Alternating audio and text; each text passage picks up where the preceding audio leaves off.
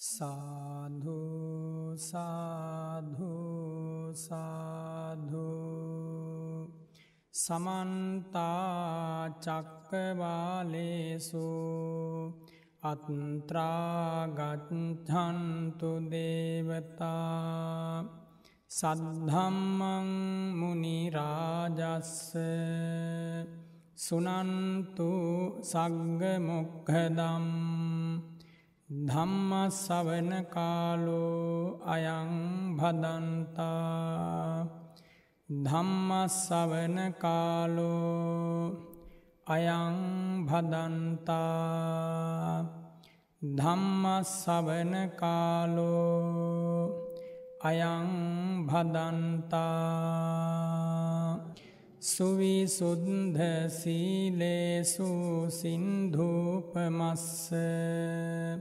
සමාධිධම්මේසු පට්ඨවී සමස්ස අනන්තඥානේසු ගගනූපමස්ස නමාමි සිරසා සිරිගෝතමස්ස පිරිසිදු සිල්කන්ද සමුදුරසේමා නිසාල සමාධිය මිහිකත සේමා. අනන්තඥානය අහසක් සේමා. සිරිපා අභියස පිණිපාවේවා මෝහන්ධකාරේසු සුරියෝපමස්ස සංසාරසෝතේසු සේතුපමස්ස දෝසප්පවාහේසු මේඝූපමස්ස නමාමිසිරසා ධම්මාම තස්ස මොහන්දුර සිින්දලන ලාහිරුසේමා සසරදියඹ මැද පහුරක් සේමා.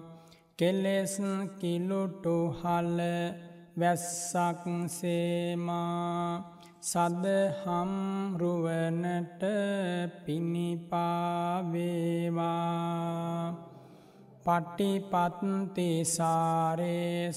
සම්මාටිතස්ස උජ්ජුභූත මග්ගේසු යානාගතස්ස කුසලේසු ධම්මේසු ගෙත්තූපමස්ස නමාමි සිරසා සුගතෝ රසස්ස පිල්ලිවෙත් සරුවෙයි සුවඳක් සේමා දම්රස දනවයි මිහිරක් සේමා.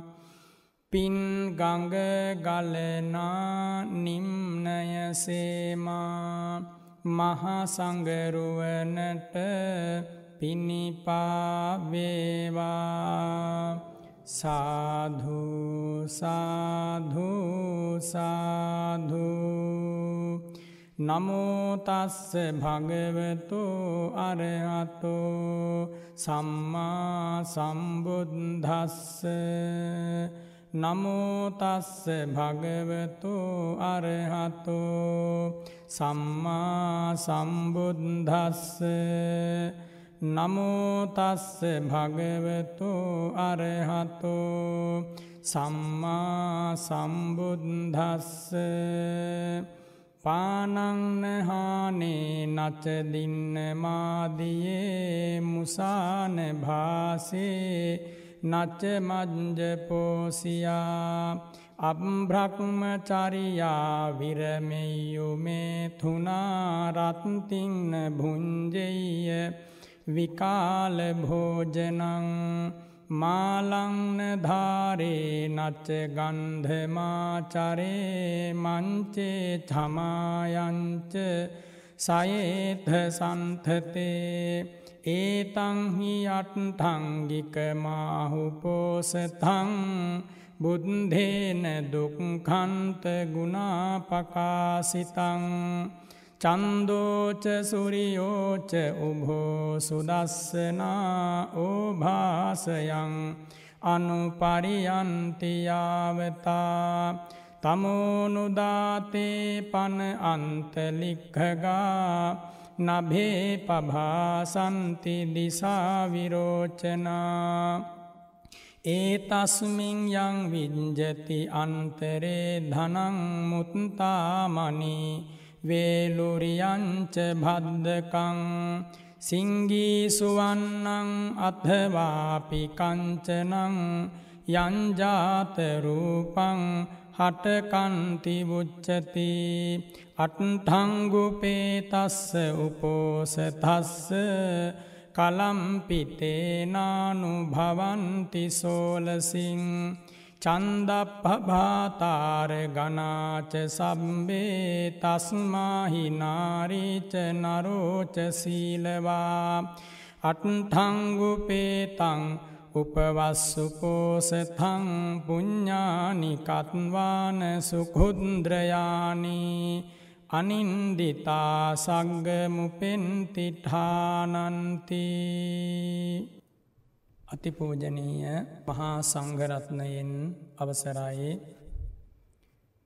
අද දින මේ උතුම් ධර්ම දේශනාව බෞද්ධයා රූපවාහිනිය ඔස්සේ විකාශය කිරීම පිණිස දායකත්වය දරන්නේ පඹහින්න බෙලිහුල්ලොය පදිංචි ජේ.ආර් සෝමදාස ඒ පින්වත් උපාසක මහත්මා ඇතුළු එම මෑණියන් ඇතුළු පවුලේ සියලු දෙනා බොහොම ශ්‍රද්ධාවෙන් බොහෝ කලකපටන් තිබ බලාපොරොත්තුවක් අපටත් ආරාධනා කලා ස්වාමීණී ධර්මදානයක් ලබා දෙන්නට ඕන ඒ සඳහා අවසර ලබා දෙන්නට කියලා.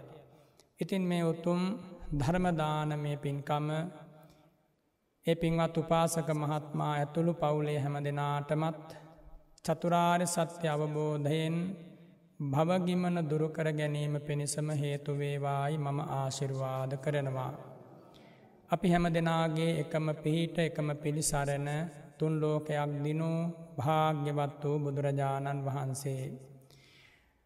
සම්මත වසයෙන් නව වර්ෂයක් ආරම්භ වන ඒ උතුම් පුන් පොහෝ දවසේ මේ වර්ෂයේ පළමු පුන් පොහෝ දවසේ සුදෝ සුදු වතින් ගත සරසාගෙන උපෝසත සීලයක් සමාදන් වූ මේ පින්වත් පිරිස උදෙසා අද කෙරෙන මේ ධර්ම දේශනාවෙන් බලාපොරොත්තු වෙන්නේ උපෝසත සීලය කොහොමද සීලානුස්සති භාවනාවක් වන ආකාරයෙන් අනුස්මරණය කරන්නේ කියලා. භාග්‍යවත් බුදුරජාණන් වහන්සේගේ සිරිමුව මඩලින් බදාල උතුම් ධර්ම පරයායක් ඇසුරින් කියා දෙන්නට. මෙතන ඉන්න මේ බහෝපින්වත් පිරිස වගේම දෙනෝ දාහක් දෙනා අද වගේ දවසක සුදෝ සුදු වතින් ගත සරසාගෙන පහන් සැදහැති හැඟුම් හදවතය පුබුදුවාගෙන බුදුරජාණන් වහන්සගේ සිරිපා භියස මලින් පහනින් සුවඳින් පූජා කරලා දන මඩුළු බිමෝබා නමස්කාර කරලා සූදානමින් බොහොම ශ්‍රද්ධාවෙන් මේ උතුම් උපෝසත සීලය සමාදම් වෙලා ආරක්ෂා කරනවා. ජීවිතයකට කලාතුරකින් හිමිවන මේ වාසනාවේ මහිමය බුදුරජාණන් වහන්සේ අපට කියා දුන්න හැර ලෝකෙ වෙන කවුරුවත් මේ උතුම් දහම තෝරා දෙන්නට සමත් වන්නේ නෑ. භාග්‍යවතුන් වහන්සේ වදාරනම චතුන්නම් භික්කවේ ධම්මානං නත්තික් කෝචි පාටි භෝගෝ කියලා. මහනනි ධර්මතා හතරක් තියෙනම මේ ලෝකේ ඒ ධර්මතා හතරට ඇපවන කෙනෙක් පොරොන්දු වන කෙනෙක් නෑලෝකේ.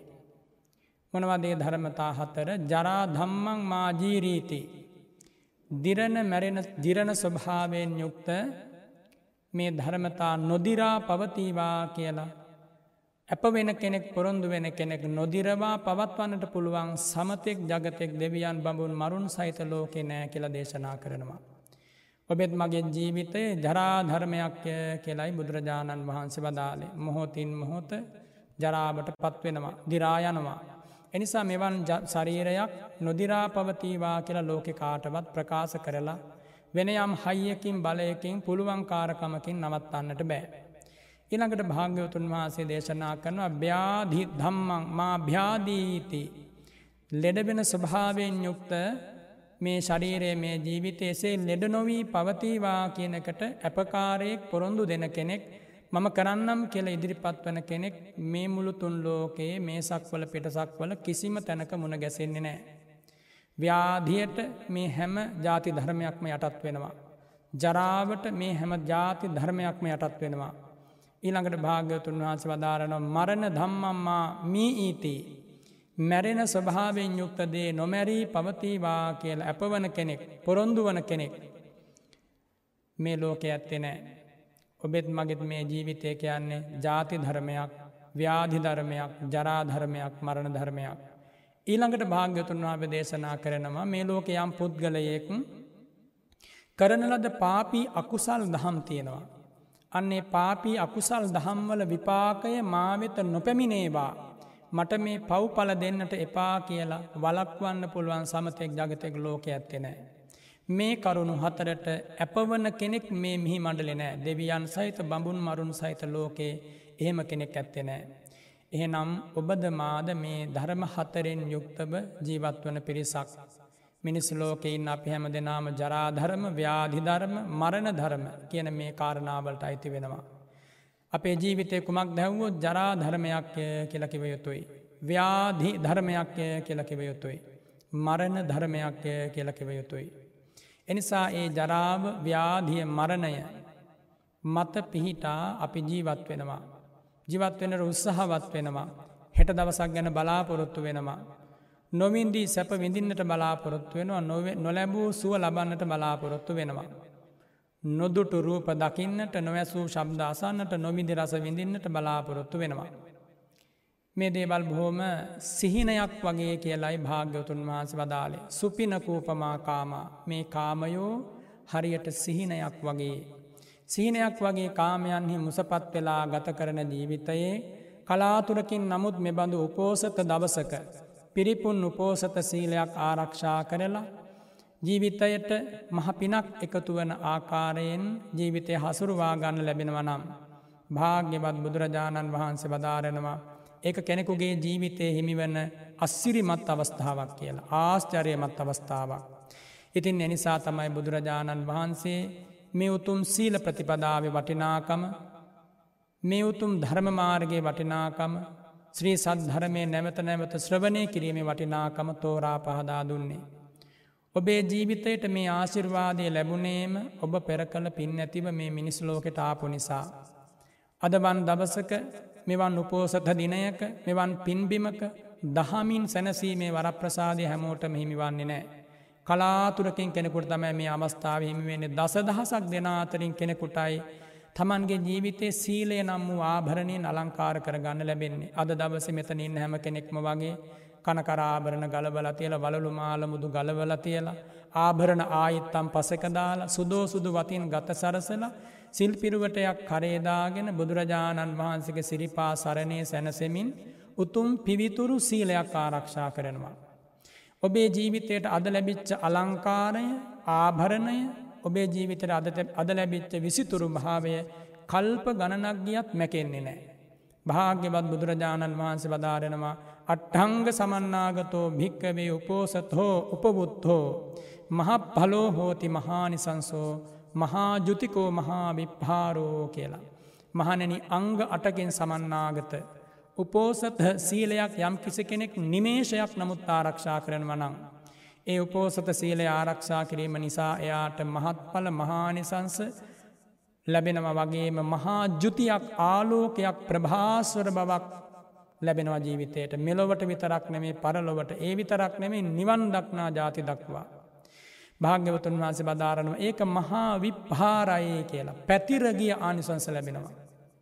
දැන් මේවා මෙතනින් ඇත්නට නොතේරෙනවා වෙන්න පුළුවන් සමාරයට පුරුද්ධට හෝවේවා අම්ම තාත්තගේ බලකිරීමට හෝවේවා එහෙම නැත්තං අපි අද පෝය දවසේ සීලයක් සමාදම් වෙන්නට ඕන මේ වගේ බලාපොරොත්තුවකින් සීලයක පිහිටලා ඉන්නවා.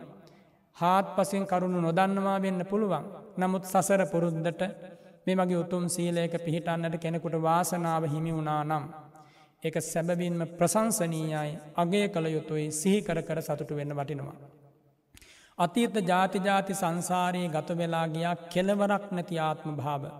ඉපදීම් වශයෙන් තිරිසන් ලෝකට වැටිච්ච හැටි ප්‍රේතාසුර නිරයට වැටිච්ච හැටි වෙන යම් දුගතීන්ට අභව්‍යස්ථානයන්ට වැටිච්ච හැටි කෙනෙකුට මේ වෙලා අමතකයි. සිහිපත් වෙන්නේ නෑ බුබ්බේ නිවාසානු ස්මෘතික් ඥාන බලය තියෙන කෙනෙකුට නම් පහසුවෙන් අනුස්මරණය කරන්න පුළුවන් සිහි කැඳවා ගන්නට පුළුවන්. එසේ නොවන කෙනෙකුට තතාගත ධර්මයට අනුව ශ්‍රද්ධාව පිහිටුවාගෙනයි ඒ අවබෝධය ඇතිකරගන්නට වෙන්නේ පළමුුව. ඉතින් එනිසා සිහි කරගන්නට අනන්ත සසරක ගෙවාදාපු දුක. අනාගත සසරෙත් ඒ විදිහටම උරුම වෙනවනං මේ උතුම් බුද්ධ ශාසනය ලැබිච්ච මොහොතේ ඔබ සැබෑ පලයක් නෙලා ගත්ත නෑ වෙනවා. ඉතින් එනිසා අනාගතයේදී විදින්නට උරුම වෙලා තියෙන සංසාර දුක ගෙවා දැමීම පිණිසයි මේ ඔබ උත්සාහවත් වෙන්නේ කියලා සිතේ අධිෂ්ඨානයක් පිහිටුවා ගන්නට ඕන. මාගේ මේ පිවිතුරු සීලය මේ උතුම් දානය මේ උතුම් ගුණ සමාධානය මේ උතුම් ධර්ම සමාධානය මේ සදහම් ප්‍රතිපදාව. අපි හැමෝටම වගේ සසර දුක්ගෙවා දැමින් පිණිස හේතු වේවායි කියන පිවිතුරු පැදුමයි හදවතය තබාගත යුත්තේ. එක ඉතා පිවිතුරු ප්‍රාර්ථනාවක්. පිවිතුරු අධිෂ්ඨානයක් පිවිතුරු අරමුණක්. බුදුරජාණන් වහන්සේ වදාරෙනවා. ඒ අංග අටකින් යුක්ත උපෝසතයක් මාසකට දවසක් වත් අවමය.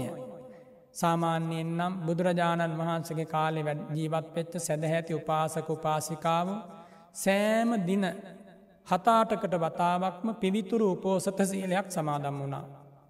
උපෝසත සීලයක් සමාදම් වෙලා අරුණෝදාවේ පටන් පසුදා අරුණෝදාව දක්වා. විසිහතර හෝරාවක් ඒ උතුම් පිවිතුරු සීලය දිවි දෙවනි කොට ආරක්ෂා කලා මේ සීලය කියන්නේ පිරුවටයකින් හුදු ගත සරසා ගැනීම හෝ සුදුවස්ත්‍ර ඇඳීම පමණක් නෙමෙයි. උතුම් කොන්දේසි කිහිපයකට එකඟ වෙනවා. එකඟ වෙන්නේ වචනයෙන් විතරක් නෙමෙයි. කායිකවද මානසිකවද ඒ පොරොන්දුවලට බැඳෙනවා කුමක් උදෙසාද මේ උතුම් ධර්මය තම හදවතේ වඩවා ගැනීම උදෙසා. බුදුරජාණන් වහන්ප දේශනා කරනු ඉදභික්කවේ අරිය සාභකෝ මහණනි මේ ශාසනයේ බුදුරජාණන් වහන්සේගේ ශ්‍රාවකත්වයට පත්වෙච්ච පින්මත් උපාසකය උපාසිකාව ඉති පටිසංචික්හති මෙන්න මෙහෙම මෙනෙහි කරනවා. යාවජීවන් අරහන්තෝ පානාතිපාතම් පහාය පානාතිපාතා පටිවිරතා. ඒ අනන්ත ගුණ ඇති රහතන් වහන්සේලා බුදුරජාණන් වහන්සේගේ මහා සංඝරත්නය රහතන් වහන්සේලා දිවි ඇතිතාක් දිවි දෙවනි කොට ප්‍රාණඝාතයෙන් වෙන්න වුණා. නිහිත දන්දා දඩුමුගුරු අතට ගත්තෙ නෑ. නිහිත සත්හා අවි ආයුධ අතට ගත්තෙ නෑ. ලජ්ජී දයාපන්නා පාපයට ලැජ්ජාවෙන් සත්වයන් කෙරෙහි පතල දයාමෙන්. සබ්බ පාන භූතයසු හිතානු කම්පිනෝ විහරන්ති. කුරා කූම්භුවගේ පටන් ආනන්ද නන්දාදී මහා මත්සරාජයන්ගේ ශරීර දක්වා. දානවාදී අසුරයන් දක්වා සෑම සත්වයන් කෙරෙහිම පතල දයාවක් ඇතිව වාසය කළා. අහම්පජ්ජ ඉමංචරත්තින් ඉමංච දිවසම් පානාතිපාතම් පහය පානාතිපාතා පටිවිරතෝ. මමත් මේ රාත්‍රී කාලේ මේ දවල් කාලයේ ඒ රහතන් වහන්සේලාට අනුව යමින්. ඒ උතුම් රහතන් වහන්සේලාගේ ගුණය මගේ ජීවිතයත් පිහිටවා ගන්නට උත්සාහවත් වෙමින් ප්‍රාණඝාතයෙන් වෙන්වෙමි. ප්‍රාණඝාතයෙන් වෙන් වෙලා දඩුමුගුරුවත් හරිමි. ආයුද්ධ දැරීම් අත්හරිමි. නපුරු හැසිරීම් අත්හරිමි. ලජ්ජා සහගතව පවට ලැජ්ජාවෙමින් හැම සත්වයන් කෙරේ දයාව අනුකම්පාව මා හදවතය පිහිටුවාගෙන මම වාසය කරමී කියල ඔන්න පොරොන්දුවකට බැඳෙනවා. මේක තමයි උපෝසතාංගයන්ගෙන් පළමු උපෝසතාංගය. එතකොට ඔබ හිතන් ඔබ ප්‍රාණ ඝාතයෙන් වෙන් වන්නේ උතුම් මෛත්‍රී භාවනාවක් හදවතය පිහිටුවාගෙන. වචනයෙන් පමණක් නෙමෙයි ඒ ප්‍රතිඥ්ඥාව මුළු හදවතින්ම. මොන්නම හේතුවකින්වත් ආඝාත චේතනාවක් හදවත ඇතිට කර නොගෙන සිටීමෙන් පමණයි මෙන්න මේ ප්‍රාණඝාතයෙන් වෙන්වී මර්ථවත් වෙන්නේ. එනිසා කවරුවරි කෙනෙක් මේ ලෝක මම ප්‍රාණ ඝාතයෙන් වෙන්නුනා කියලා කියනකොට. හුදු සත්වයන් ඝාතනය කිරීමේ කායකරමයෙන් වෙන්වීම පමණක් නෙමෙයි. ඒ උදෙසා යම් මනෝ භාවයක් හේතු වෙන වනන්ගේ මනෝභාවයෙන් මුළුමනින්ම වෙන්වෙන්නට ඕන. මුළුමනින්ම වෙන්වෙලා මෛත්‍රියෙන් යුක්තව කල්ගත කරන්නත් ඕන. දයාවෙන් අනුකම්පාවෙන් සිනහමුසු මුහුණින් මුදිතා බර හැඟීමෙන් ඔවුනොවන් දෙස බලන්නත් ඕන. නපුරු වචන කතා කරන්න බෑ රවා බලන්න බෑ කුහකකම් කරන්න බෑ මසුරුකම් කරන්න බෑ ඉරිසියාකම් කරන්න බෑ. එහෙම කරනව නම් මේ සීලයට සැබෑ අර්ථයක් ලැබෙන්නේ නෑ සීලයෙන් ලැබෙන උතුම් පලේ ලැබෙන්නෙත් නෑ. බුදුරජාණන් වහම දේශනා කරනවස් දස්සන කාමෝ සීලවත්තන් සද්ධම්මන් සෝතුමිත් ඇති විනෙහිය මත් හේර මලං සවේ සද්ධෝති පුච්චති. මේ ලෝක යම් කිසි කෙනෙක් සිල්ලොතුන් ගුණවතුන් දැකීම බලාපොරොත්තු සිතේ තබාගන්නවා. ඒවගේම අමා දහම ශ්‍රවණය කිරීම බලාපොරොත්තුවත් හිතේ ඇති කරගන්නවා. මසුරු මල දුරුකරතා දානයෙන් ලෝභය දුරු කරනවා. මෙන්න මේ කරුණුවලින් යුක්තනම් යම් කාන්තාවක් යම් පුරුෂයෙක් ඒ පුද්ගලයා ශ්‍රද්ධාවන්තයෙක් කියලයි භාග්‍යවතුන් වහන්සේ හඳුන්වන්නේ. එනිසා මේ වගේ දවසක මේ වගේ උපෝසත දවසක මේ වගේ පෙන්බිමකට පැමිණීමෙන් නොය කරුණු හැම එකක්ම වගේ ජීවිතය සම්පූර්ණ වෙනවා. සිල්වතුන් දකින්නට ලැබෙනවා දස්සන කාමෝ සීලවතං සද්ධම්මන් සෝතු මිත් ඇති ශ්‍රී සද්ධරමය අහන්න ලැබෙනවා. ඒ වගේම විනෙය මත් හේර මලං මසුරු මල දුරු කරදා දානය පුරුදු කරන්න ලැබෙනවා. සීලය පුරුදු කරන්න ලැබෙනවා. ගුණය විනය පුරුදු කරන්න ලැබෙනවා. මොන තරං උතුම් අවස්ථාවක්ද මේ ජීවිතයට හිමි වුණේ මේ තත්පරය මේ නිමේශය මේ මුහුෘතය ඔබ ගිහි ගෙදරකදි ගත කලා නම් මොනතරම් පව් වැඩෙන්න්න තිබුණද සමහර විට දවස පුරාවට හදබත දවේශයෙන් පුරවගෙන. දවස පුරාවට ඉරිසියාවෙන් දවස පුරාවට රාගයෙන් දවස පුරාවට දේශයෙන් පසුතැවීමෙන් මාන්නයෙන් මෙම ගත කරන ජීවිතයක් කලාතුරකින් නමුත් උතුම් සීල ප්‍රතිපදාවකට අනුයාත කරගන්න ලැබුණු එයාගේ ජීවිතේ අන්න ඒ මොහොත තමයි මංගල මුහුෘතය වන්නේ. සුභ මොහොත වන්නේ. නියම නැකත වන්නේ. නියම ක්ෂණ සම්පත්තිය වන්නේ යන්නේ මොහොත. එනිසා මේ බණකත්හාාව අහන හැම කෙනෙකුටම ඒ මංගල මුහෘතය ජීවිතය උදා වුණා. මේ ලෝක ඔයඇත්තු සමරණ හැම මංගල්ලයක්ම අව මංගල්ලයකින් අවසන් වෙනවා. එක ඔයත්තන්ට ප්‍රකටයි. එනිසා මේ උතුම් සැමරීම අනුස්මරණය මේ උතුම් පිවිතුරු වැඩ පිළිවෙල කඳුලකින් අවසන් වන්නේ නෑ. කිසිදාක කඳුලකින් අවසන් වන්නේ නෑ. කඳුළු සාගරයක් සංසිදුවනවා. හැම විපතක්ම මගහරුවනවා. හැම දුකකින්ම මිඳීම නිදහස ශාන්ති උරුම කල්ල දෙනවා. කාගෙ කාගෙත් ජීවිතවලට සැනසීමේ සුවඳ වුවමනා වෙනවා. හැම මනුස්සෙක්ම හැම ගැහැනියක්ම බලාපොරොත්තුවෙන මිනිස් ලෝකය තුළදී. සැනසීම සැපේ සතුට නිදහස ප්‍රීතිය තෘප්තිමත් භාවය. හැබැයි මේ එකම ධර්මතාවයක්වත් ලැබීම අපහසු වන්නේ නෑ මේ පිවිතුරු ධර්මය පුරුදු කරපු කෙනෙකුට. බලාපොරොත්තු කොච්චර හදවතය තිබුණත් මේ දහම වඩල නැත්තන්ගේ එකක්වත් ලැබෙන්නේ නෑ. එනිසා සිහිකර කර සිහිකර කර මේ උතුම් ධර්මය අප්‍රමාදීවෙමින් නැවත නැවත වීරිය වඩමින් මේ උතුම් දහමේම සැනසීම හොයනව හැර වෙන දේවල් වලින් සැනසීම හොයන්න පා ලැබෙන්නේ නෑ අබු දරුවන්ගෙන් සැනසීම හොයන්න පා ලැබෙන්නේ නෑ. ගේ දුරින් ඉඩකඩින් යාන වාහන වලින් සැනසීම හොයන්න එපා ලැබෙන්නේ නෑමයි. ඒ වගේම වෙනයම් දෙයකින් සැනසීම සතුට හොයන්න යන්න එපා අමාරුව වැටෙනවමයි. ඒක ඒ කාන්ත සත්‍යයක් පරම සත්‍යයක්. කවදා නමුත් ඔය කියපු හැම දෙයක්ම කඳුලට සෝකයට පීඩාවට මානසික දැවිල්ලට වෙහෙසට මූර්ජාවට මුසපත්වීමට සිහිසුන්වීමට හේතු වෙනවා. හැබැයි මේ දහම කවදාවත් පුද්ගලයකුට එහෙම දුකක් විපතක් උපදවල දෙන්නේ නෑ. පුරුදු කරන්න අමාරුයි තමයි. කාම ඕගයෙන් කාම මූර්ජාවෙන් පීලිත කෙනෙකුට මේ වගේ පිවිතුරු සීලයක සුවය විඳින්න බෑ. කාම ධර්මයන්ට මුසපත් වෙච්ච කෙනෙකුට මේ දහම ශාන්තිය මිදින්ද බැයිතින් කරන්න දෙයක් නෑ කලාතුරකින් පිනැතියෙකුට පමණයි සිල් පිරුවටයක් කරේදාන ලැබෙන්නේ. මේ ලෝකයේ කෝටි හත් අටසියක ජනගානයෙන් කීයෙන් කී දෙනාර්ද මේ ප්‍රතිපදාව මුණ ගැහිලා තියෙන්නේ. ඒ මුණ ගැහිච්ච ඔබ අසීමිත පිනක් ඇතිව ආව කියල ඔබ දන්නමද. දැනගෙන ඔබ ඒ පිනට සරිලන විදිහට මේ ජීවිතයේ කටයුතු කලාද හිතල බලන්න. කාගේ කාගේ ජීවිතවල අඩුපාඩු ඇති හැබැයි මේ දහම මුණ ගැහිච්ච වෙලාබේ අඩුපාඩු මගහරවා ගන්නයි බලන්නට ඕන ඒ අඩුපාඩුත් එක ජීවත්වයනට නෙමේ. අකුසල ධර්ම පාපධර්ම සංසාරය දුලබනෑ. හැබැයි කුසල් දහම් හැමදාම සංසාරයේ දුලබයි සත්පුරුෂයන්ට පමණක් කල්්‍යයාන මිත්‍රයන්ට පමණක් මුණ ගැහෙනවා. යහපත් දේවල් වල සුවඳ කල්ප ගණනින් කල්ප ගණනට යුගයෙන් යුගයට හදවතින් හදවතට හමා යනවා. පෙර ඈත සංසාර ගමන සිල් පුරුදු කරපු අය අප බුදුරජාණන් වහන්සේගේ ශාසනී බුදුරජාණන් වහන්සේගේ සිරි මුවමඩලින් ප්‍රසංසා ලබා රහත් වෙත් හැටි තේරී තෙහෙර අපදානයන්හි සඳහන් වෙනවා.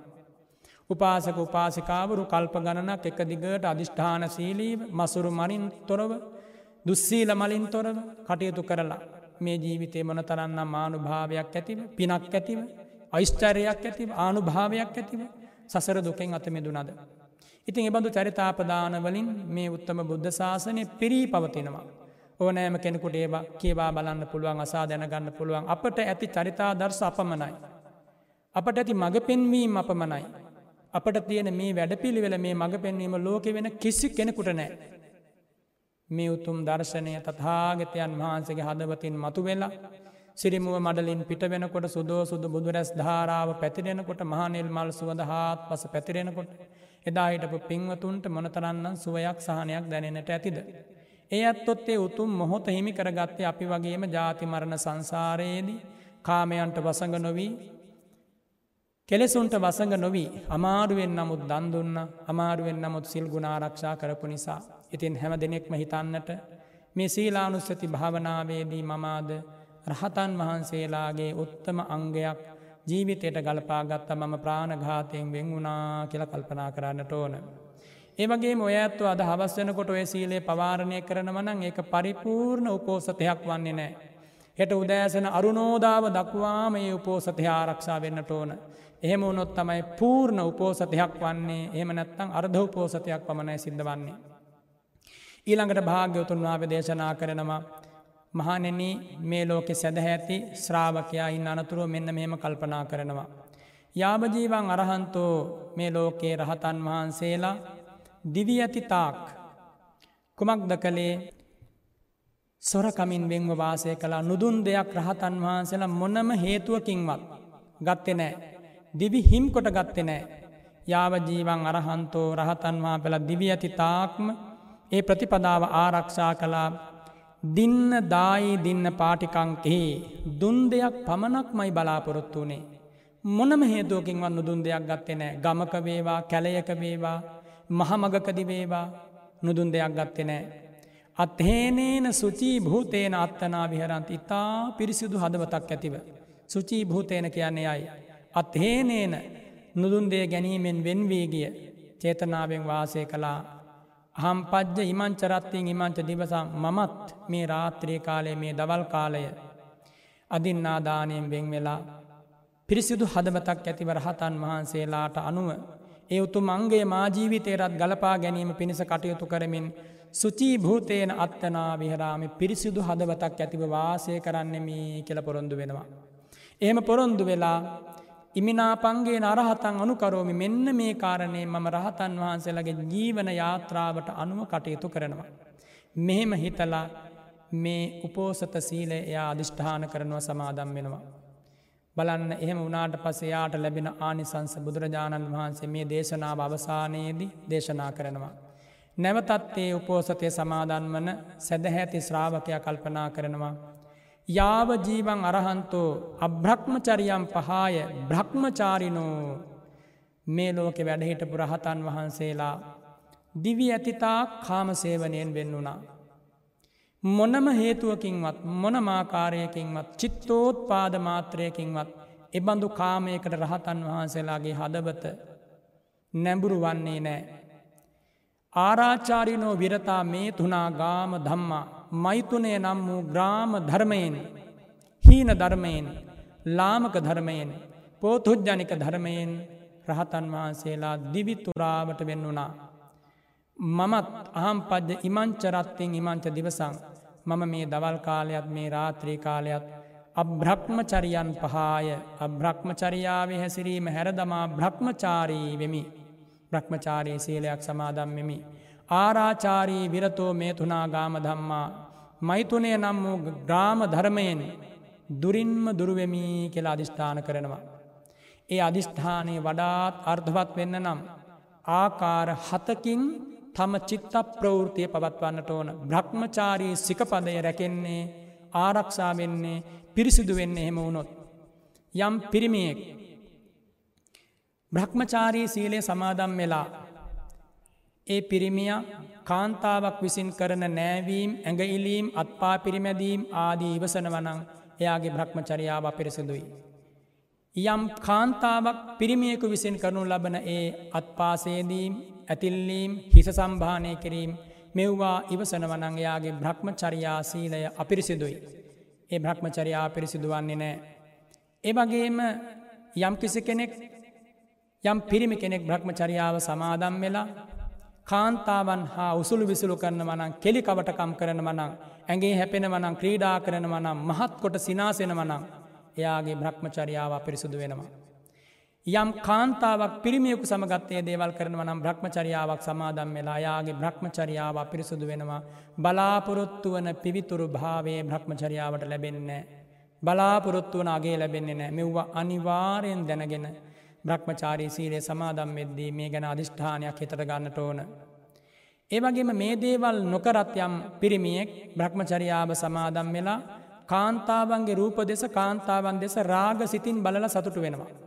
ඒ වනත් අර බ්‍රහ්මචාරී සීලය අපිරිසුදු වෙනවා. යම් පිරිමි කෙනෙක් වගේම යම් කාන්තාවක් පිරිමියකු දිහා බලල රාග සිතක් උපදවා ගන්නවා. බැලීමෙන් රාග ඇති කරගන්නවා. ආන්‍යයාගේ බ්‍රහ්මචරියාව අපිරිසුදු වෙනවා.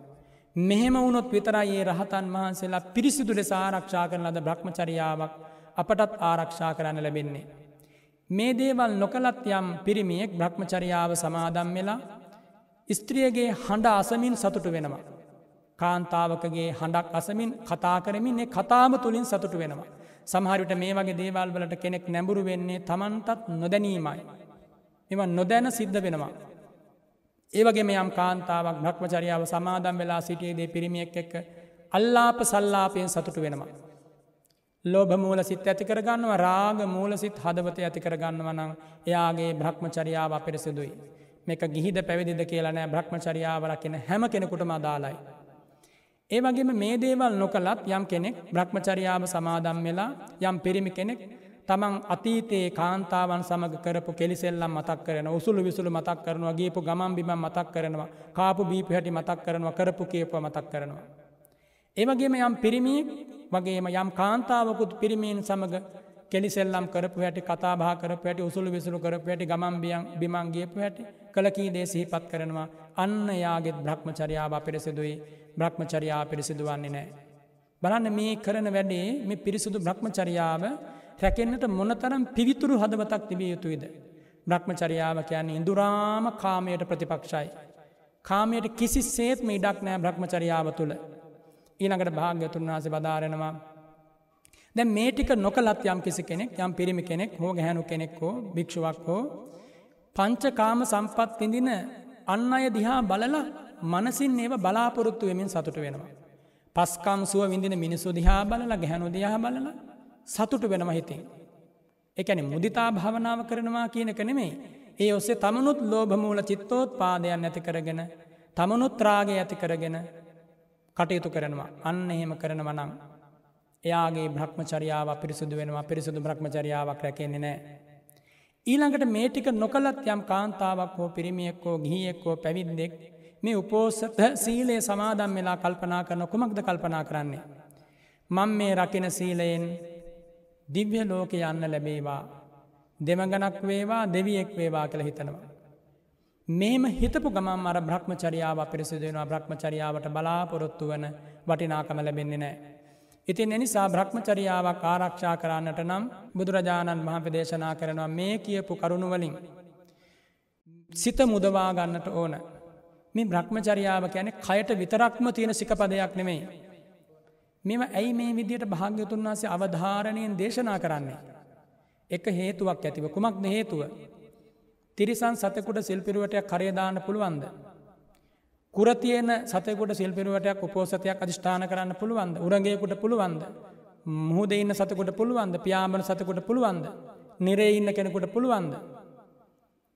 මේ අවස්ථාව හිමිවෙන්නේ කීයෙන් කී දෙනාටද. එනිසා ලැබිච්ච වෙලාවෙත් බාගිට මේ වැඩේ කරන්න එපා.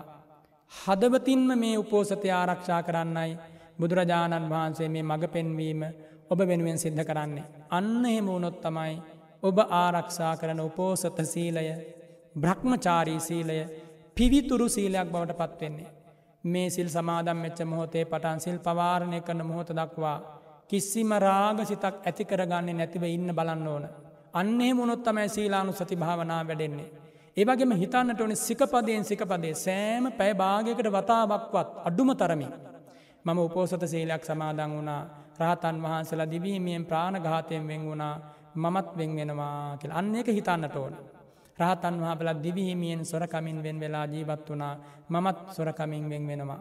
රහතන් වහබලත් දිවිහිමියෙන් කාමසේවනයන්ගෙන් වෙන් වුනා මමත් බ්‍රහ්මචාරී වෙනවා කළ හිතන වන්න සීලානුස්සති භාවනාව.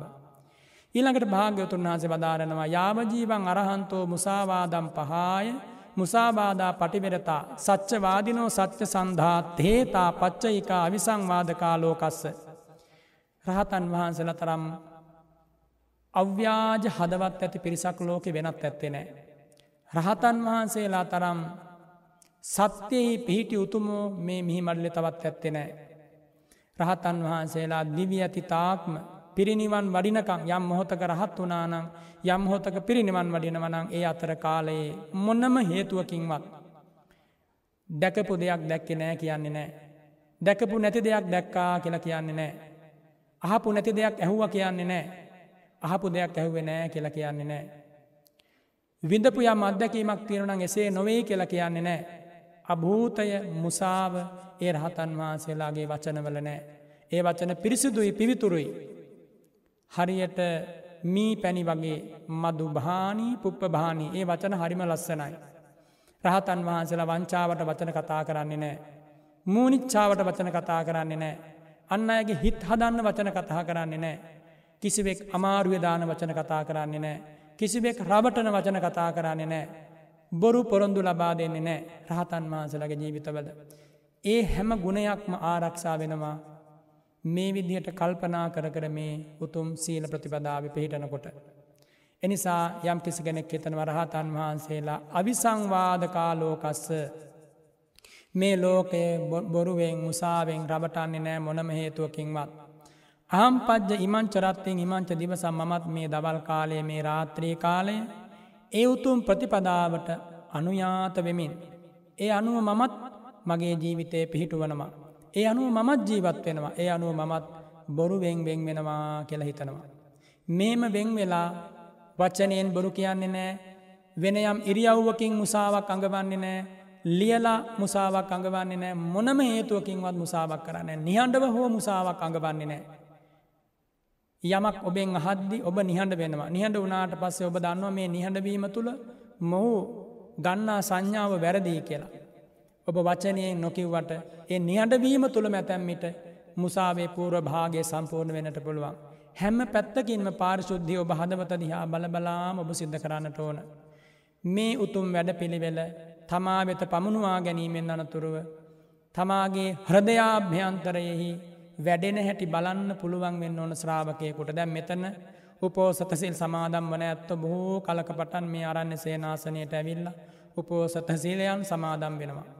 එතර ඔයත්තු බලන්නට ඕන එදා පැමිණිච්ච දවස යම් මොහොතකද එදා ඉදං අද වෙනකම් මට මේ සීලේ පිළිබඳව හොඳ අනුස්මරණයක් මතක සටහනක් තියෙනවද. මගේ දුර්ගුණ දවසින් දවස අඩු වෙලාද. මගේ හිතේ තියෙන පවිටු චේතනා එන්න එන්න වැඩි වෙලාද. මේ පිවිතුරු උපෝසත සීලය අන්නෙ බඳු ආදාස මණ්ඩලයක් කරගන තමන්ගේ ජීවිතයට. ආදාස මණ්ඩලයක් යන කන්නාඩියක් කියන එක. කන්නාඩියකින් තම මුහුණේ සටහන බලනකොට අඩු පාඩු පේනවා හැමදේම පේනවා. මූනේ තියෙන. අන්නේ වගේ මේ දහමත් එක ජීවිතේ දිහා බලනකොට අඩුපාඩු ටිකටික මගහැරෙන්න්නට ඕන. යෝනිසෝ මනසිකාර මූල වැඩ පිළිවෙලක සදහම් චින්තනයක නිමක්නව දවසින් දවස කල් පරණ වෙනකොට මිනිස්සු ගුණ ධර්මවලින් අලුත් වෙන්නට ඕන. ගුණ ධර්මවලින් හොඳ පනක් ඇතිව මතු වෙන්නට ඕන. කෙස්්ටිකාව පැහැගැන් වෙද්දි ඇස් දෙක ගිලෙද්දි හම දුර්වරණ වෙද්දි අත්පා වකුටු වෙද්දී ඒ ගුණ ධර්මත් ඒත් එක්කම වයිසට යන් දෙන්නට හොඳනෑ ගුණ ධර්ම දවසින් දවස බලවත් කරන්නට ඕනි ජීවිතේ. එනිසා මෙව කරන්න තව වැඩි දවසක් ඉතුරු වෙලා නෑ මෙතනන්න ඇත්තන්ට මේ ලෝකඉන්න අපි හැම දෙනාටම. එනිසා බුදුරජාණන් වහන්සේ වදාරෙනවා.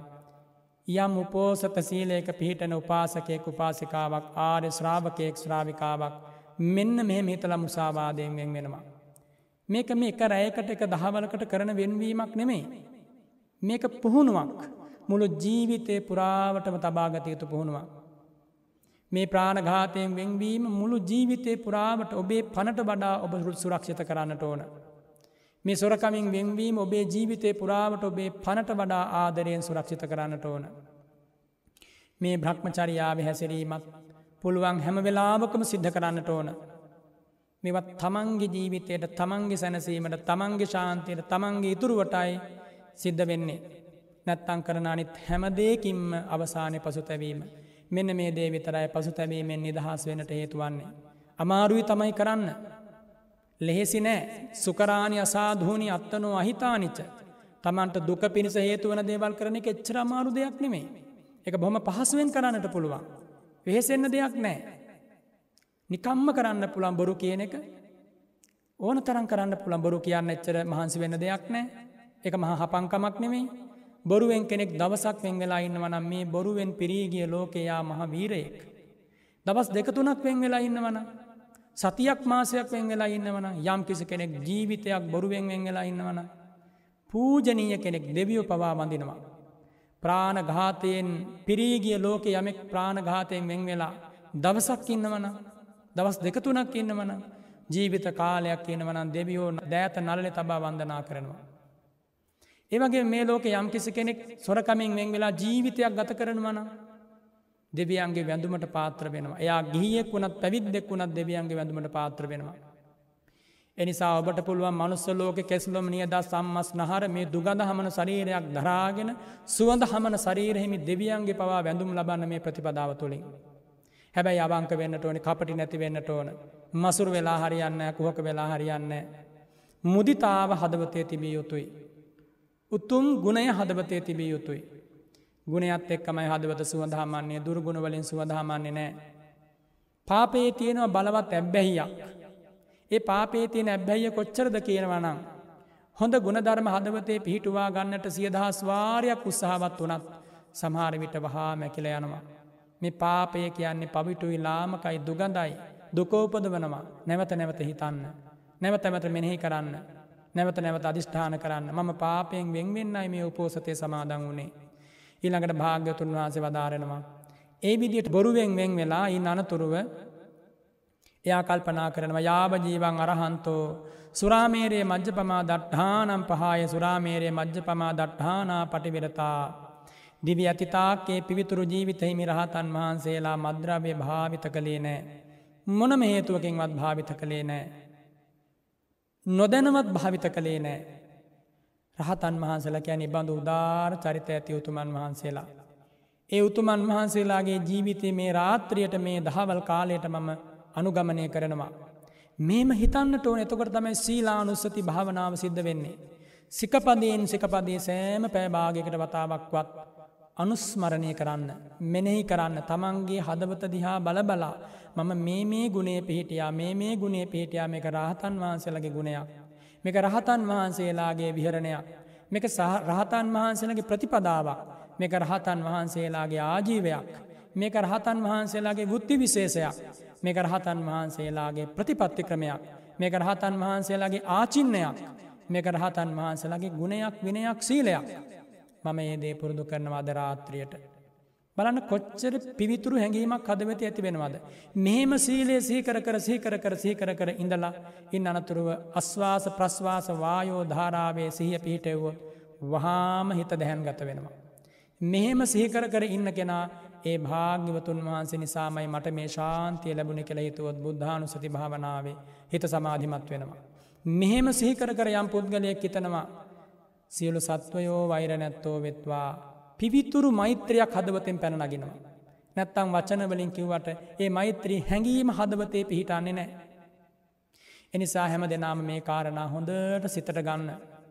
බුදුරජාණන් වහන්සේ වදාරෙනවා ඒ විදියට අහම් පජ්ජ ඉමංචරත්වයෙන් ඉමංච දිවසං මම මේ රාත්‍රයත් මේ දහබල් කාලයේත් මදයට ප්‍රමාදයට හේතුවන කිසිම දෙයක් ගන්න නෑ පානය කරන්නේ නෑ පරිහරණය කරන්නේ නෑ කියල සුරාමේරයෙන් වෙන් වෙනවා. එහෙම වෙන් වෙලා රහතන් වහන්සේලාගේ උතුම් ජීවිත ප්‍රවෘතියට අනුයාත වෙමින් සාන්ත සංවර සුන්දර පිවිතුරු ලස්සන මිහිරි ප්‍රතිපදාවක් එක ජීවත් වෙන බලන්න මිනිස් ජීවිතයකට කොච්චර වටිනාකමක් බුදුරජාණන් වහන්සේ ලබා දුන්නද. ඊළඟට ඒ සදහැති උපාසකය උපාසිකාව කල්පනා කරනවා යාවජීවන් අරහන්තෝ ඒක භත්තිකාරත් වූ පරත්තා විරතා විකාල භෝජනා රහතන් වහන්සේලා දිවි හිමියෙන් විකාලේ ආහාර ගත්තෙ නෑ. විකාල භෝජනයෙන් වෙන් වුණා විකාල භෝජනය රහතන් වහන්සේලා මොන්නම හේතුවකින් වසිද්ධ කළේ නෑ. අහම් පජ්ජ ඉමංචරත්තින් ඉමංස දිවසං මමත් මේ දවල් කාලයත් මේ රාත්‍රී කාලයත් ඒක භත්තිකෝ රත්වූ පරතෝ විරතෝ විකාල භෝජනා රෑකෑමෙන් වෙන් වෙනවා විකාල භෝජනයෙන් වෙන් වෙනවා විකාලයේ කිසිම ආහාරයයි සම්මත කිසිවක් අනුභව කරන්නේ නෑ කියලා හික්මෙනවා. මේ සිකපදය වඩාත් අර්ථවත් වෙන්නට නම් පසුදා අරුණෝදාව දක්වා ඉර උදාවන මොහොත දක්වාම කුමක්ද කළ යුත්තේ විකාල භෝජනයෙන් වෙන් වෙලා ගිලම් පසිටිකක් පමණක් වලඳල කටයුතු කරන්නට ඕන. එනිසා ජාති සංසාරයේ ආහාර අනුභව කරලා පිටකරපු අසූචිටික විතරක් එකතු කරානම් මේ මහ පොළොවට වැඩි. මේ මහ පොළොට වඩා සැබවින්ම වැඩි. එක කල්පයක පිටකරපු අසුති සම්භාර එකතු කරාන. මළමුත්‍රා සම්භාර එකතු කරාන. බුදුරජාණන් වහම දේශනා කරන වන එකම මවක් එකම පුද්ගලයෙක් තම මවක් වෙලා ඉන්දැද්දි එකම ගැහැනියක් තම මවක් වෙලා ඉන්දැද්දි. ඒ මව මල සෝකයෙන් හැඩූ කඳුළු මේ සිව් මහා සාගරයේ ජලයට වැඩී කියලා. මේ ශරීරයෙන් පිටවෙච්ච මළමුත්‍රා කොච්චරද. ඉති මෙව සිහිපත් කර කර සිහිපත් කර කර විකාල භෝජනයෙන් වෙන් වෙලා පුළුවන්නම් ගිලම් පසිනුත් වෙන් වෙලා පැන්ටිකක් පමණක් වලඳලා අවශ්‍යනම් කටයුතු කරන්න බලන්න. එතකොට උපෝසත සීලේ පිවිතුරු වෙනවා උත්තම වෙනවා උසස් වෙනවා ඒ පිවිතු සීරෙල් ලැබෙන ආනිසංසානන්තයි අප්‍රමාණයි. ඊළඟට භාග්‍යවතුන් වහප දේශනා කරනවා යාවජීවන් අරහන්තෝ නච්ච ගීතවාදත විසූක දස්සන මාලා ගන්ධ විලේපන ධාරණ මණ්ඩන විභූසනට්ඨානා පටිවිරතා. දිවි ඇතිතා ක්‍රහතන් වහන්සල නැටුම් ගැයුම් වැයුම් උසුළු බිසුළු දැකීම මල් ගඳ විලවුන් දැරීම් හැඩ වැඩවීම් මේවාගෙන් වෙන් වුණා. මමත් මේ දවස පුරාවට මේ දෙවල්වලින් වෙන් වෙනවා. මේ කිසිම දෙයක් මං අද කරන්නේ නෑ. ආදාස මණ්ඩලියකින් මුහුණ බලන්නේ නෑ සැරසෙන්නේ නෑ කොන්්ඩ පීරන්න යන්නේ නෑ ඒ දේවල් හැම දෙයක්ම මේ සීලේ සමාදම් වෙන කලින් සිද්ධ වෙලා තමයි හැමෝම පැමිණෙන්නේ. මේට ඇවිල්ලා මේ උපෝසත සීලය තුළ ඒ වගේ දේවල් කරනවන යාගේ සීලය අපිරිසුදු වෙනවා. නිතර නිතර ඇඳුම් පැනඳුම් හදන්න නිතර නිතර ලස්සනද කියල බලන්න හැඩ වැඩ වෙන්න මොනම හේතුවකින්වත් යම් කිසි කෙනෙක් කටයුතු කරනවනං යාගේ සීලය අපිරිසුදු වෙනවා. එනිසා විලි වැහෙන් ඇඳුමක් ඇඳගෙන ආවාට පස්සේ සිල්පිරුවටයක් කරේ දාගත්තට පස්සේ නැවත නැවතේම හැඩ වැඩවෙන්න අවශ්‍යනෑ මූුණ කටාතපයි හොඳින් සෝදල ඒ කටයුතු සිද්ධ කරාට පස්සේ දවස පුරාවටම පිවිත්තුරු හැඟීමකින් බාහිර පිරිසුදුකම නෙමෙයි හදවතේ පිරිසුදුකම ඇතිකර ගැනීම බලාපොරොත්තුවෙන් ඒ දේවල් වලින් වෙන් වෙන්නට ඕන. භාග්‍යවතුන්නාව දේශනා කනව රහතන් වහන්සලේ බඳු ලස්සන පිවිතුරු පිරිසිදු. ජීවිත ගත කලා මමත් අද රාත්‍රී කාලයේ මේ දවල් කාලයේ නැටුම් ගැයුම් දකින්නේ නෑ උසුළු විසුළු කරන්නේ නෑ සිනහා වෙන්නේ නෑ මල් ගඳ විලවුන් දරන්නේ නෑ හැඩ වැඩ වෙන්නේ නෑ. මම ඒ උතුම් පිවිතුරු අංගේ මගේ ජීවිතයට ගලපා ගන්නවා කියලා හික්මෙන වනං යා පිවිතුරු පෝසත සීලයක් සමාදම්වන කෙනෙක්. ඊළඟට භාග්‍යවතුන් වහා ප්‍රදේශනා කරනවා. යාවජීවන් අරහන්තෝ උච්චාසයන මහාසයනා මහාසයනම් පහාය උච්චාසයන මහාසයනා පටිවිරතා නීතසෙයන් කප්පෙන්ති මංචකේ වා තින සන්තහාරකේවා රහතන් වහසල දිවි ඇතිතාක් උස් අසුන් මහාසුන් දුරු කළා. අතිශයින්ම උස් වූ ඒ වගේම ඉතා උසස්සාකාරයෙන් වටිනාකාරයෙන් සකස් කරන ලද මහර්ග ආසන තියෙනවා. මහාර්ග සයනයන් තියෙනවා. ඒ දේවල් වල සැතපීම වැතිරීම පරිහරණය කිරීම රහතන් වහන්සේලා ප්‍රතික්ෂේප කලා. ප්‍රතික්ෂේප කළේ අමුතු දුකක් විඳීම බලාපොරොත්තු වෙන්නෙමෙයි. රහතන් වහන්සේලාගේ ප්‍රතිපදාව මැදුම් පිළිවෙත. රහතන් වහන්සේලා කටුගොඩවල් වල සැතපෙන්නේ යන්නේ නෑ රත්වෙච්ච ගල්තලාවල පිට තබන්න යන්නේ නෑ. රහතන් වහන්සේලා කැපසරුක්කු සමහත ඇති ඇඳන්වල සැතපෙනවා. හැබැයි මහා වටිනා කියන එම නැත්තං මිනිස් ලෝකයේ ගිහියත්තු පරිභෝග කරන එබඳු මහා ආසන දරන්නේ නෑ. එම නොකරන්නේ රහතන් වහන්සල වෙන දෙයක් නිසා නෙමෙයි. ඒ දැරීම රහතන් වහන්සලට වුවමනානෑ. එහෙම දෙයක් රහතන් වහන්සල හොයන්නේ නෑ පමණ ඉක්මවාගේ පුසුවයන් හොයන්නේ නෑ. රහතන් වහපල දන්නවා මේ දිරණ මැරෙන කුණු වෙන ශරීරය මෙන්න මේ විදියට පැවැත්වීම යෝනිසෝ මනසිකාර මූලක වැඩ පිළිවෙලේ මැදුම් පිළිවෙත වන්නේ කියලා. එනිසා රහතන් වහන්සේලා මේ ශරීරයට අන්ත දුක් දෙන්නේ නෑ. මේ ශරීරයට කාමේ සුකාම සුකල්ලිකානු යෝගයෙන් සැප දෙන්න හදන්නෙත් නෑ. මධ්‍යම ප්‍රතිපදාව තුළ පිහිටුවල කුස පිරෙන ආහාරයක් රසගුණ අමුතුවෙන් හොය හොයා ඉල්ල ඉල්ල යන්නේ නැතිව විලි බැහෙන විදියට චීවරයක් හිස නොතෙමෙන විදිහට සේනාසනයක් හොයාගෙන නිදහසේ පැවිදි ජීවිත ගත කරනවා. පින්ඩ පාත භෝජනන් නිස්සාය පබ්බජ්ජා රුක්කමූල සේනාසනන් නිස්සාය පබ්බජ්ජා පන්සුකූල චීවරන් නිස්සාය පබ්බජ්ජා පුතිමුත්ත බෙහෙසජ්ජා නිස්සාය පබ්බජ්ජා කියලා සීමා මාලකයේදී ලබා දෙන ඒ නිස්සය හතරේ පිහිටලා රහතන් වහාපල ජීවත් වෙන මත් ඒ උතුම් මැදුම් පිළිවෙත හික්මෙනවා. මමත් මේ රාත්‍රිය පුරාවට ඉමංච රත්තිං ඉමංච දිවසං. උච්චාසයන මහාසයනම් පහාය උච්චාසයන මහාසයනා පටිවිරතෝ නීතසෙයන් කප්පේමි. මමත් මේ රාත්‍රී කාලයේ මේ ධාබල් කාලේ උත්සසුන් මහාසුන් ධරන්නේ නෑ. මේ වගේ කාලයක නං අඩිය කහමාරකට වඩා වැඩීනං අන්නේ වගේ ආසන මහා ආසන උත්සාසන වෙන්නට පුළුවන්. ඉතින් එනිසා බුදුරජාණන් වහන්සේ දේශනා කන බඳු ආසන වලින් වෙන්වීම මමත් සිද්ධ කරමින් රහතන් වහන්සලගේ ගුණේ මගේ ජීවිතය නුත් මම ගලපාගන්නට බලනවා මේ මට උතුම් අමා නිවන පිණිස වේවා කියලා හිතනවා. එහෙම හිතුවතින් බුදුරජාණන් වහන්සේ වදාරනම් මෙන්න මේ අටවන අංගය එයාගේ ජීවිතය සම්පූර්ණ වෙනවා. මේ අටවන අංගේ සම්පූර්ණ වනානං එයාට අංග අටකින් යුක්ත උපෝසත සීලය සමාදම්වීම නිසා යම් බඳු වූ සැනසීමක් ඇති වෙනවනං ඒ සැනසීම යාට හිමි වෙන මොකක්දේ ලැබෙන සැනසීම. බුදුරජාණන් වහන්සේ දේශනා කරනවා මේ උපෝසත සීලයේ පැවිසි හතරක් යම් කිසි කෙනෙක් ආරක්ෂා කොළොත් මේ කියපු කරුණුවල පිහිටා. නිකාං ආවට ගියාට නෙමේ සිල් පිරුවටයක් හරේදා ගත්තා හැමදාම යනෝ වගේ එහෙම නෙමෙයි මේ කියපු ආකාරයෙන් මෙනෙහි කර කර මෙනෙහි කර කර. රහතන් වහන්සේලා ප්‍රාණඝාතයෙන් වෙන් වුණා මමත් වෙන්වෙමි. රහතන් වහන්සේලා සොරකමින් වෙන් වුණා මමත් වෙන්වෙමි. රහතන් වහන්සේලා මෛතුන ග්‍රාම ධර්මයෙන් වෙන් වුණා මමත් වෙන්වී බ්‍රහ්මචාරී වෙමි. රහතන් වහන්සලා මුසාවෙන් වෙන් වුණා මමත් මුසාවෙන් වෙන්වෙමි. රහතන් වහා වෙලා රහමෙර පානාදියෙන් වෙන් වුණා මමත් වෙන්වෙමි. රහතන් වහසල විකාල භෝජනයෙන් වෙන් වුණා මමත් වෙන්වෙමි. රහතන් වහසලා මල් ගඳ සුවඳ විලවුන් දැරීම් හැඩ වැඩවීම් වලින් වෙන් වුණා මමත් වෙන්වෙමි. රහතන් වහසලා උත්සසුන් මහාසුන්ව දැරීමෙන් වෙන් වුණා මමත් වෙන්වෙමි කියලා හිතමින් යම් කිසි කෙනෙක්. මේ උපෝසත සීලය හෝරාවක් දෙකක් හෝ ආරක්ෂා කරනවනම්. විපාක අසංකෙහියයි අප්‍රමේයයි. බුදුරජාණන් වහන්සේ දේශනා කරනවා කීව මහත් පලෝහෝති කීව මහානිසංසෝ. කොච්චර මහත් පල වෙනවද කොච්චර ආනිසංස ලැබෙනවද. කීව මහා ජුතිකෝ කොච්චර කාලයක් බබල බබලාජීවිතයට සැනසීම ලැබෙනවද. කීව මහා විප්හාරෝ කොච්චර පැතිරගිය කල්ප ගණනකට ආනිසංස ලැබෙනවද කියල භාග්‍යතුන්නාව දේශනා කරනවා. සෙයතාපි භික්කවේ යෝ මේ සංසෝලසන්නම් මහා ජනපදානම් පහූත සත්තරතනානං ඉස්සරයාදී පච්චන් රජ්ජංකාරයේ යම් කිසි කෙනෙක් මේ ලෝකෙ බුදුරජාණන් වහන්සගේ කාලෙ දඹදිව තලයේ තිබුණ සොලොස් මහා ජනපද. ඒ සොලොස් මහා ජනපදවලට ඒ ජනපදවලින් එකකට හෝ දෙකට හෝ තුනකට යම් රජ කෙනෙක් අධිපති වෙනවා. ඒ හැම රජයකටම නැත්තං ඒ හැම ජනපදයකටම එකම රජ කෙනෙක් නෑ ඔය ධර්මාසෝක වගේ රජ කෙනෙක් විතරයි ඒ හැම ජනපදයකටම රජකම් කළේ.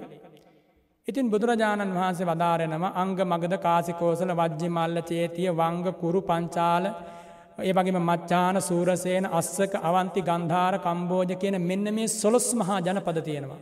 මේ සොලොස් මහා ජනපදවල බොහෝ මැනික් වර්ග තියෙනවා ධනය තියෙනවා සම්පත් තියෙනවා යසේසුරු තියෙනවා සිත් ඇති සිත් නැති අසීමිත ධනයක් මේ සොලොස් මහා ජනපදවලම එක රජ කෙනෙක් එක රජ කෙනකුට මේ ජනපදටික සියල්ල ලැබුණොත් එයාට කොච්චර නම් සම්පතක් ලැබෙනවද.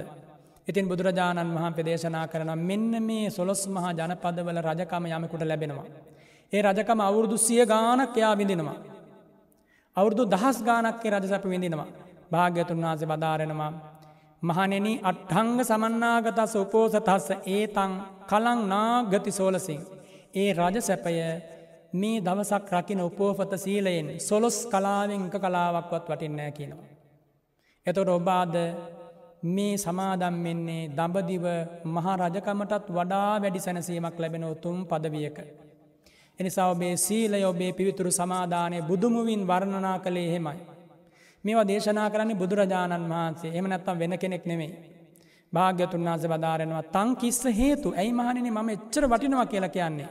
කපනම් භික්කවේ මානුසකන් රජ්‍යන් දිබ්බන් සොකං උපනිදාය මහනෙන මේ දිව්‍ය ලෝකයේ රජකම ලබන්න මේ උපෝසතය හේතු වෙනවා. මහනෙන දිව්‍ය ලෝකයේ රජකම සැපයත් එක ගත්තට පස්සේ මනුස්ස ලෝකයේ රජකම කියන්නේ.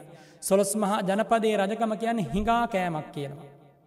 සොලොස් මහා ජනපදයන්නේ රජය කියන්නේ සිංගමනක් කියනවා දිව්‍ය ලෝකෙ තියෙන සැපයක් එක්ක. බුදුරජාණන් වහන්සේ වදාරෙනවා යානිමානි භික්කවේ මානුසකානි පංච වස්සානි චාතුම් මහා රාජිකානන් දේවානන් ඒසෝ ඒකෝ රත්තින් දිවෝ. මහනිනි මිනිස් ලෝකෙ අවුරුදු පණහක් චාතුම් මහා රාජික දිව්‍ය ලෝකෙට එක දවසයි. ඒ වගේ දවස්තියක් මහසයයි මාස දොල්හා කවුරුද්දයි එබන්දු දිව්‍ය ලෝකෙ දිව්‍ය අවුරුදු පන්සියයක් චාතුම් මහා රාජක දිව්‍ය ලෝක දෙවියන්ට දෙව් සැප විඳින්න ලැබෙනවා.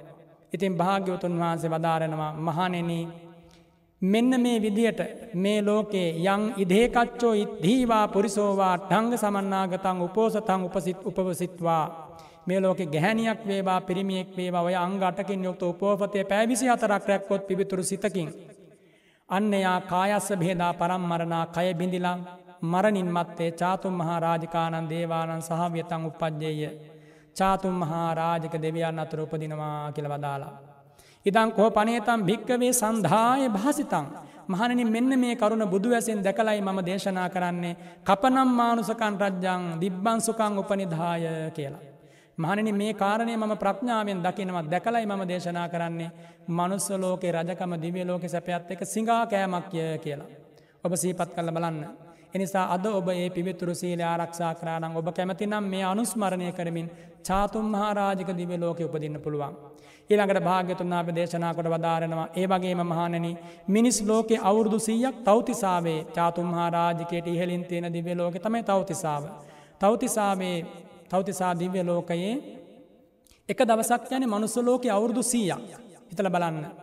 ඒ අවුරදු සීයක් මනුස්ස ලෝක තෞතිසාාව එක දවසයි තෞතිසාාවේ බදු දින තියක් මාසයයි මාපදොලා කවුරුද්ධ එබඳු වර්ස දාහක් ඒක ඇන තවතිසාාවේ දිවි වර්ස දාහක් එයාට ආයුෂය ලැබෙනවා. එ දිවි ලෝක ගයාට පස්සේ. මනුස්ස ලෝකෙන් ගත්තොත් ලක්ෂ ගණන කෝටි ගණන වචන වලින් කියන්න බෑ. ඊළඟට බුදුරජාණන් වහන්සාධාරණ මෙන්න මේ තවතිසා දිවිය ලෝක කෙනෙකුට යන්න ඕන නම් මේ වගේ පින්පුරුවට පස්සේ මේ වගේ උපෝසතයක් සමාදන් වනාට පස්සේ එයාට ඒක පහසු වෙන්නේ නෑ.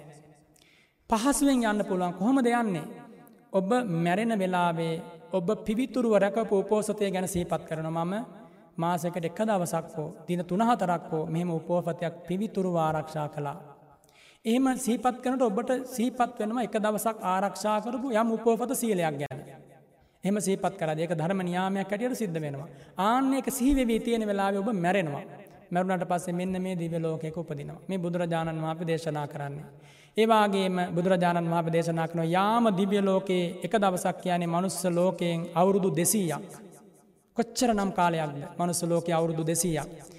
ඒ වගේ අවුරුදු දෙසීයක් එක දවසයි ඒ වගේ දවස් තිහක් මාසයයි ඒවගේ මාප දොළහක් ඒ දිව්‍ය ලෝකෙට යාම දිව්‍ය ලෝකයට අවුරුද්දක් වෙනවා. එතකොට හිතාගන්නවත් බැරි කාලයක්.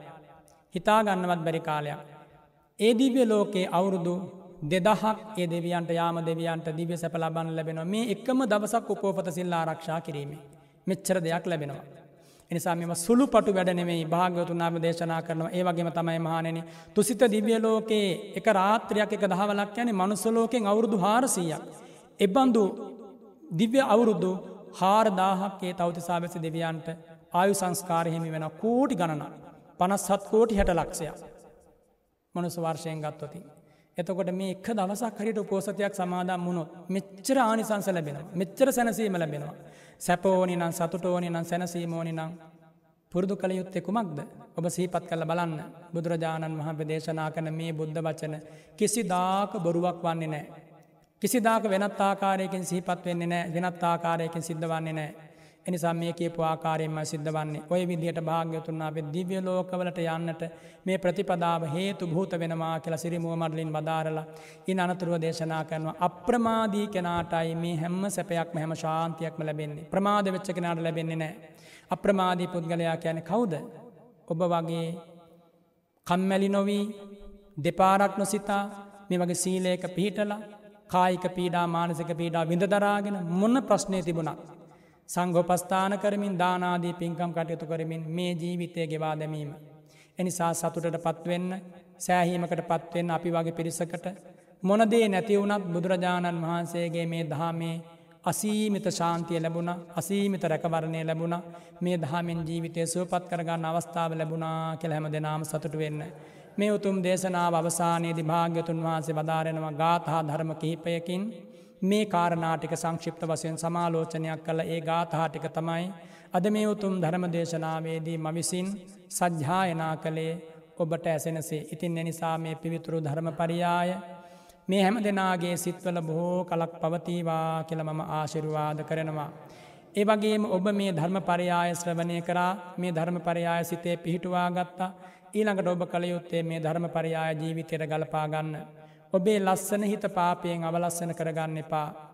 සුවඳ හමන ගුණධර්ම ඔය කුණු ගඳ හමන ශරීරය හින්ද නැති කරගන්න එපා. සුවඳ හමන ගුණධර්ම කුණු ගඳ හමන කට නිසා නැති කරගන්න එපා. ජීවිතයට ලස්සන ලැබෙන්නේ බාහිර වස්තුූන් ගෙන්නෙමේ පිවිතුරු හදවතක් ඇති භාවය මත. එනිසා ඒ පිවිතුරු වැඩ පිළිවෙලයි භාග්‍යවතුන් වහන්සේ සීල සමාධී ප්‍රඥාවසයෙන් ඔබට දේශනා කළේ. හොඳයි දැන් මේ හෑම සැපයක් ඔබට ලැබෙනවා නමුත් සසරගම නවසන් වෙන්නේ නෑ බුදුරජාණන් වහන්සේ වදාරෙනවා. මේ පිවිතුරු පෝපත සීල ආරක්ෂා කරපු ගෙන මෙලොවින් පරලොවට යනදාට මේ දිව්‍ය ලෝකවල උපදිනවා. ඉන් අනතුරුවයා භවගමන අවසන් කළ චතුරාර් සත්‍ය අවබෝධයෙන් සසර දුකින් අතම දෙනවා කියලා. ආය කිසිදාක දුගතියට වැටෙන්නේ නෑ. එනිසා එබඳු උතුම් පිහිටක් ලැබී තිබියදී එබඳු උදුම් සැරැකවරණයක් සැනසීමක් ලැබී තිබියදී ඔබ මේ මොහොතේදී ප්‍රමාදයට පත්විය යුතු නෑ කනස්සල්ලට පත්විය යුතු නෑ පසුතැවීමට පත්විය යුතු නෑ ඔබට මොනව නැති වුනත් මේ දහම ශාන්තිය ඔබට තියෙනවා. එනිසා ඔබේ ගුණය පිවිතුරුව හදවත ඇතිකර ගත්තොත් දෙවියෝ පවා සාධකාර දෙනවා කළ මම දේශනා කළේ එකයි. තින නිසාති පූජනීය මහා සංගරත්නයටත් සැදැහැති ඔබ සැමටත් මේ උතුම් පිවිතුරු ධර්මපරියාය මෙලොව ජයගෙන පරලොව ජයගෙන සසර ජයගෙන දුක ඉක්මමා දුක අවබෝධ කරමින් සමුදය ප්‍රහාණය කරමින් නිරෝධය සාක්ෂාත් කරමින් ආර්ය මාර්ගය වඩමින් අමාශාන්ත නිවනින් සැනසෙන්න්නම හේතුවේවා කියලා අධිෂ්ඨාන පිහිටුවා ගන්න. මේ උතුම් ධර්මදානය සඳහා අද දායකත්වය දරන්නේ පඹහින්න බෙලිහුල්ලොය පදිංචි ජේආර් සෝමදාසය පින්වත් උපාසකතුමා ඒවගේම එම මෑනියන් ඇතුළු පවුලේ දූදරුවන් එකතු වෙලා බොහොම ශ්‍රද්ධාවෙන් බොහොම කලකපටන් මේ බලාපොරොත්තුව හිතේ තිබුණ. අදේ පින්වත් උපාසකතුමා සතුරට පත්වෙන්න බොහෝ දෙනකොට මේ උතුම් ධර්මදානය ලබාදීලා තමනුත් සැදැහැසිත් උපදවාගෙන මේ ධර්මය ශ්‍රවණය කළා. ඔබට මේ ධර්මදානමය පින මේ සසර දුකින් අතමිදීම පිණිසම උපකාර වේවා කියල මම මහා සංගරත්නය වෙනුවෙන් ආශිර්වාද කරනවා. ඒ අත්තු පින් අනුමෝදං කරනවා දෙපාර්ශයවම පරලොව සැපත් දෙමවපියන්ට ඥාතීන්ට වගේම අපවත්මී වදාළ ඒ අතිපූජනීය කඩවැද්දූවේ ජිනමන්සා භිධාන ඒ ලොකුස්වාමීන් වහන්සේට ඒවගේම මාතර ශ්‍රී ඥානාරාම ලොකුස්වාමීන් වහන්සට පින් අනුමෝදං කරනවා නාවනි අරිය ධම්ම මහා ස්වාමීන් වහන්සේට පින් අනුමෝදං කරනවා අපවත් වී වදාළ අග්ගමා පණ්ඩිත බලංගොඩ ආනන්ද මෛත්‍රී ස්වාමීන් වහන්සේට ඒ වගේම බෞද්ධයා මාධ්‍යජාල නිර්මාතෘවර දරනාගම කුසල දම්ම නායක ස්වාමීන් වහන්සේට එවගේම කරගස්තලාව ශෛල ගංගාරාමාධිපති නාවුල්ලේ ධම්මානන්ද ස්වාමීන් වහන්සේට ඉහළ ගලගම සරණංකර නායක ස්වාමීන් වහන්සේට පින් අනුමෝදං කරනවා. එවගේම අපේ පින්වත් දිනානන්ද ස්වාමීන් වහන්සේගේ පියාණන් ඇතුළු ඒ මිය පරල්වගේ ඥාතීන්ට පින්පෙත් අනුමෝදං කරනවා. ශ්‍රී කල්්‍යයානී යෝගාශ්‍රම සංස්ථාවේ ඒ අපවත් වී වදාළ ස්වාමීන් වහන්සේලාට තුන්නිකායේ අපවත් වී වදාළ සිලු ස්වාමීන් වහන් පෙලට පින්පෙත් පමුණුවනවා.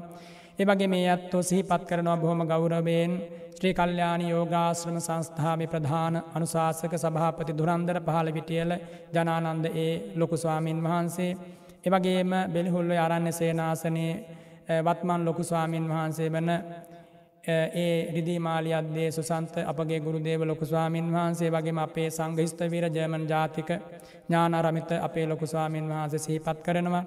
ඒ වගේම ඒ අත්තු සිහිපත් කරනවා මේ පෙළුල්ුවේ ආරණ සේනාසනයේ නිර්මාතෘවර ගල්පියුමේ සුමනරංසි ස්වාමීන් වහන්සේ ඇතුළු සියලු ස්වාමීන් වහන්සලට ආශිර්වාද කරනවා සෙත් පතනවා මේ ධර්මදානමේ පින උතුම් ධර්මාවබෝධය පිණිස වේවා කියන ප්‍රාර්ථනාව සිතේ ඇතිකරගෙනයි ඒ ඇත්තු මේ ධර්මදානමය පින්කම සිද්ධ කරන්නේ.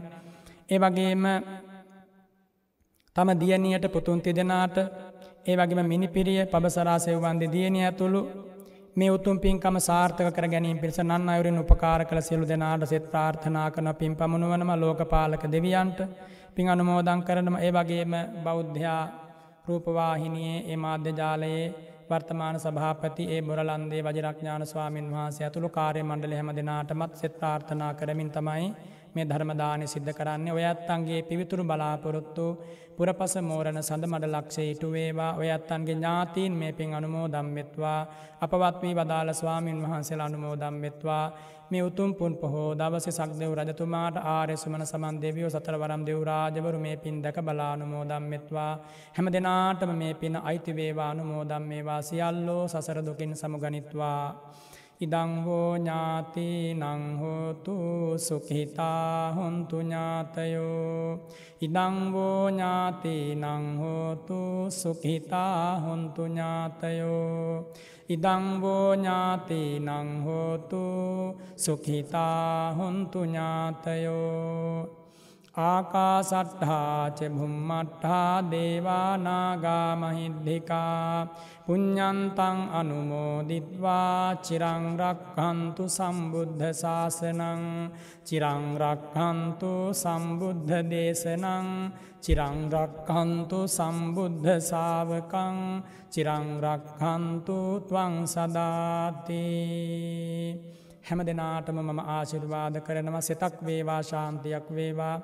මේ උතුම් පින්කම් කටයුතු සංවිධානය කළ ඒ බොරලන්ද ජනානන්ද ස්වාමීන් වහන්සේ ඇතුළු සංඝරත්නයටත් ඒ පින්වත් උපාසක මහත්ම ඇතුළ හැම දෙනාටමත් මේ උතුම් උපෝපත සීලය සමාදම් වූ සිල්ලත්ව හැම දෙනාටමත් බණපදය ඇතු ඔබ සිලු දෙනාත් නිදුක් වෙත්වා නිරෝගි වෙත්වා සුවපත් වෙත්වා වෛර නැත්තෝ වෙත්වා තරහ නැත්තෝ වෙත්වා දුක්පීඩා නැත්තෝ වෙත්වා සුවපත් වෙත්වා. අමා නිවනින් සැනසෙත්වා කියල මම ආශිර්වාද කරනවා. අභිවාදන සීලිස්ස නිච්චං වද්ධා පචායිනෝ. චත්තාරෝ ධම්මා වඩ්ඩන්ති ආයුවන්නෝ සුකං බලං. ආයු ආරෝග්‍ය සම්පත්ති සග්ග සම්පත්තිමේමච අත්හෝ නිබ්බාන සම්පත්ති ඉමිනාතේ සමිජ්ජතුූ. සාධු සාධු සාධූ